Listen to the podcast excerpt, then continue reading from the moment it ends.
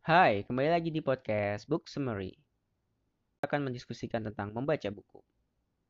Membaca buku bukan seperti apa yang kita kira selama ini. Jadi, berhentilah membaca omong kosong yang tidak kamu sukai. Ada beberapa alasan mengapa budaya membaca sudah ada selama kurang lebih 5000 tahun. Membaca adalah aktivitas yang sangat bermanfaat. Membaca membuat kita lebih pintar, membuat kita lebih berempati, membuat kita lebih sadar diri. Dan terakhir, tentu saja menghibur. Ada sebuah quote dari Harry S. Truman. Tidak semua pembaca adalah pemimpin, tetapi semua pemimpin membaca. Membaca adalah salah satu hal yang diharapkan semua orang untuk dilakukannya lebih banyak. Jika kita tidak membaca buku sama sekali, maka kita akan berharap setidaknya bisa sedikit membaca buku. Jika kita membaca beberapa buku, maka kita akan berharap bisa lebih banyak membaca. Dan jika kita sudah banyak membaca, kita akan benar-benar menyadari banyak hal keren yang belum kita baca dan ingin terus menambah banyak buku bacaan. Namun, aktivitas membaca buku ini membawa beberapa kesalahpahaman. Hal yang paling mengganggu ialah tentang bagaimana tuntutan orang-orang terhadap aktivitas membaca buku. Menjadikan membaca alih-alih untuk menyegarkan pikiran, malah menjadi beban pekerjaan yang tak berujung menciptakan ketakutan dan rasa malas untuk memulai membaca buku baru. Sebelum masuk ke tips membaca, ada satu hal yang tak kalah penting untuk diperhatikan agar proses membaca menjadi menyenangkan. Tulislah mengapa kamu ingin membaca buku tersebut. Biasanya, jika kamu punya niat atau alasan di balik sesuatu, hal tersebut bisa menjadi motivasi besar untuk mencapainya dengan cara yang lebih baik. Tips pertama, Jangan baca kata demi kata. Ketika kamu membaca, terkadang ada suara kecil yang muncul dalam kepalamu yang berbicara setiap kata apa yang kamu baca. Alasan munculnya suara monolog dengan keras di kepala dikarenakan itulah cara kebanyakan kita belajar membaca saat di sekolah. Ketika kita masih kecil, kita diajarkan untuk membunyikan setiap suku kata dalam setiap kata. Sayangnya, Teknik semacam ini membuat kita membaca dengan sangat pelan. Sebenarnya cukup mudah untuk menghilangkan monolog di dalam kepala. Cobalah. Cobalah membaca sesuatu tanpa mengucapkan kata-kata di kepalamu. Lakukan terus-menerus hingga kamu tidak mendengar suara monolog. Menghindari membaca buku kata demi kata juga bisa membantu kita memahami suatu isi bacaan dengan lebih baik. Membaca akan lebih efektif jika dilakukan per satu kalimat utuh Membaca kata demi kata menyebabkan pengulangan bacaan tanpa memahami kandungan dan maksud bacaan yang sebenarnya. Nah, agar kamu terbiasa fokus membaca satu kalimat utuh atau bahkan satu bab dalam buku secara efektif, kamu perlu berlatih membaca cepat atau yang disebut dengan skimming. Skimming membuatmu dapat membaca lebih banyak cakupan kalimat. Karena konsep dari teknik membaca yang satu ini adalah mencari ide utama tanpa memperdulikan informasi spesifik.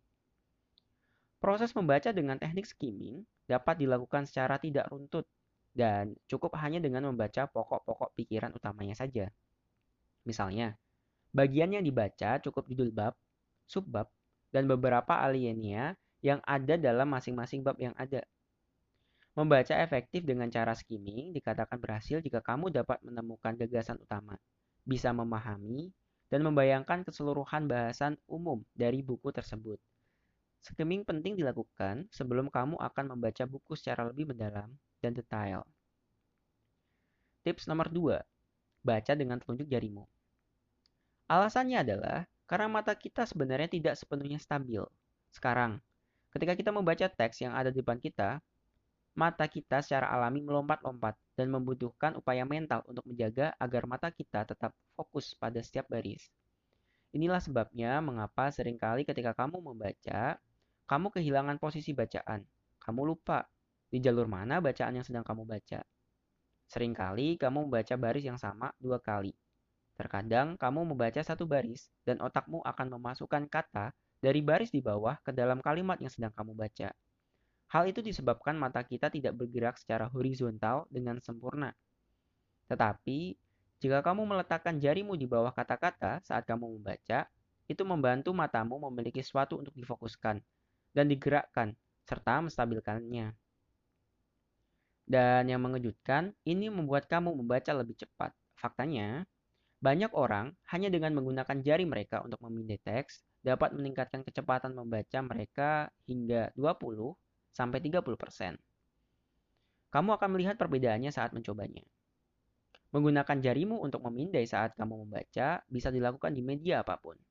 Kamu bisa menggunakannya dengan buku, kamu dapat menggunakannya di tablet, kamu dapat menggunakannya di layar komputer. Ya, rasanya sedikit aneh, tapi itu akan banyak membantu. Baiklah, kita masuk tips nomor 3. Berhenti membaca omong kosong yang tidak kamu sukai. Kebanyakan orang menganggap ketika kamu membaca sebuah buku, maka kamu harus menyelesaikan setiap halaman, atau jika tidak, kamu adalah seorang pecundang dan gagal dalam membaca. Aku tidak mengerti mengapa orang memiliki sikap ini.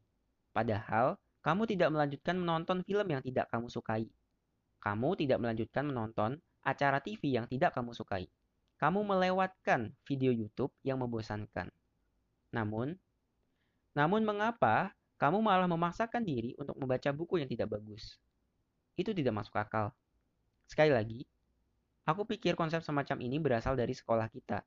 Di sekolah, untuk mendapatkan nilai bagus, kamu harus membaca semua buku. Kehidupan nyata tidaklah berjalan seperti itu. Kita ambil contoh. Misalnya dari penulis non-fiksi. Sebagian buku non-fiksi penuh dengan omong kosong. Rata-rata buku non-fiksi memiliki dua atau mungkin tiga bab yang berguna di dalamnya. Buku non-fiksi adalah postingan blog yang dimuliakan menjadi sebuah buku dan diulang berulang kali untuk mencapai 200 halaman.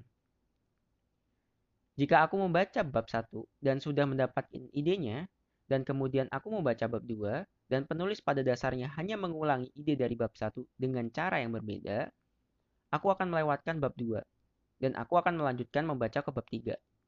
Dan kemudian, jika bab 3 mengulangi ide yang sama dengan cara lain, aku akan melewatkan yang itu juga.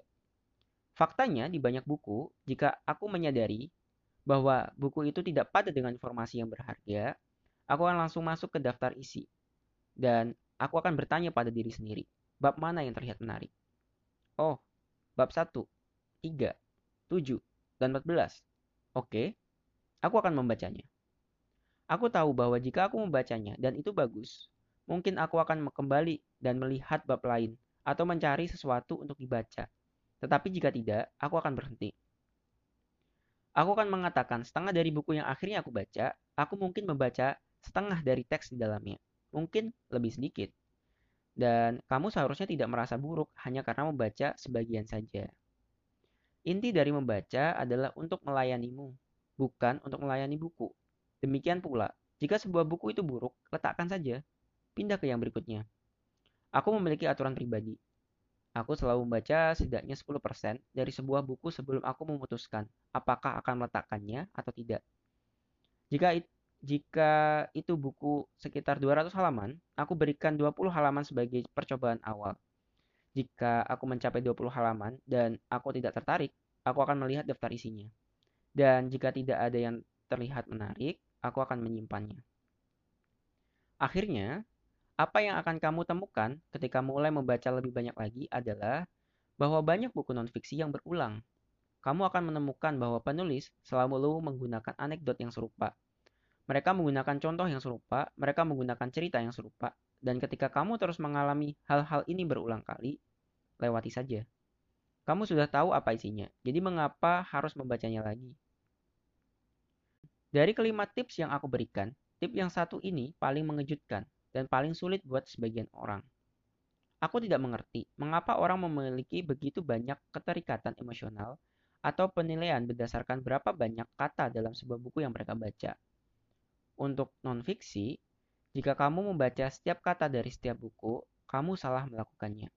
Sekarang, untuk fiksi, ini adalah cerita yang sama sekali berbeda. Tidak ada permainan kata-kata yang dimaksudkan, jika buku fiksi bagus, kamu membaca setiap kata. Jika buku fiksi itu jelek, hentikan dan singkirkan. Baiklah, tips nomor 4. Jadwalkan waktu membacamu.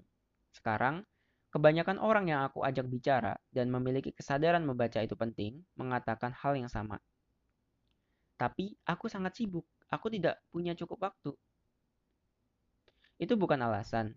Membaca adalah hobi atau minat atau aktivitas termudah dan paling mudah dibawa yang pernah ada. Sangat mudah.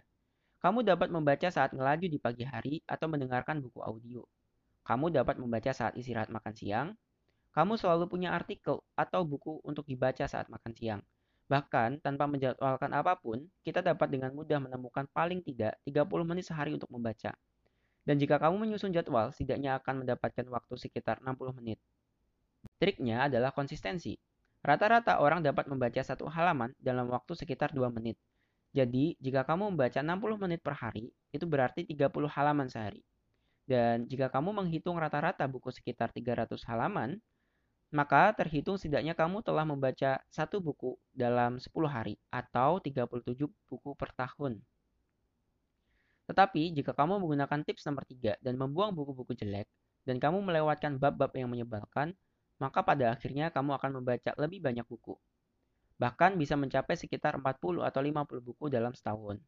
Dan itu hanya dengan mendedikasikan satu jam sehari. Baiklah, dan tips nomor 5. Bacalah lebih dari satu buku sekaligus.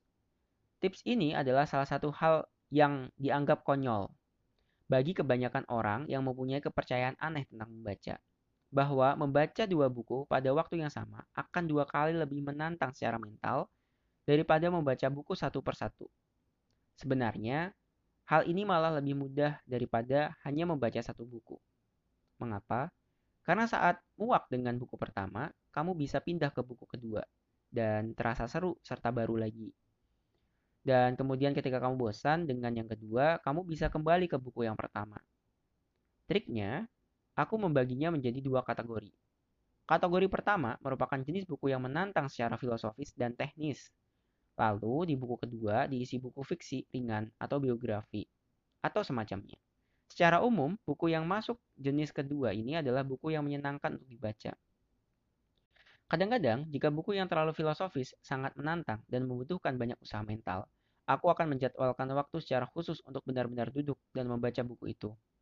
Kadang-kadang jika aku bosan dengan salah satu buku, aku akan meletakkannya selama satu atau dua minggu.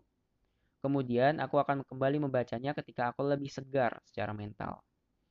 Baiklah, jika kita sudah belajar beberapa tips dasar tentang cara membaca lebih cepat dan lebih efektif, kita juga sudah mengulas tips tentang bagaimana menjadi kejam dalam pemilihan buku dan juga bagaimana menjadi lebih praktis dalam hal mencari waktu di siang hari untuk membaca. Selamat mencobanya dan jangan berhenti untuk mencoba.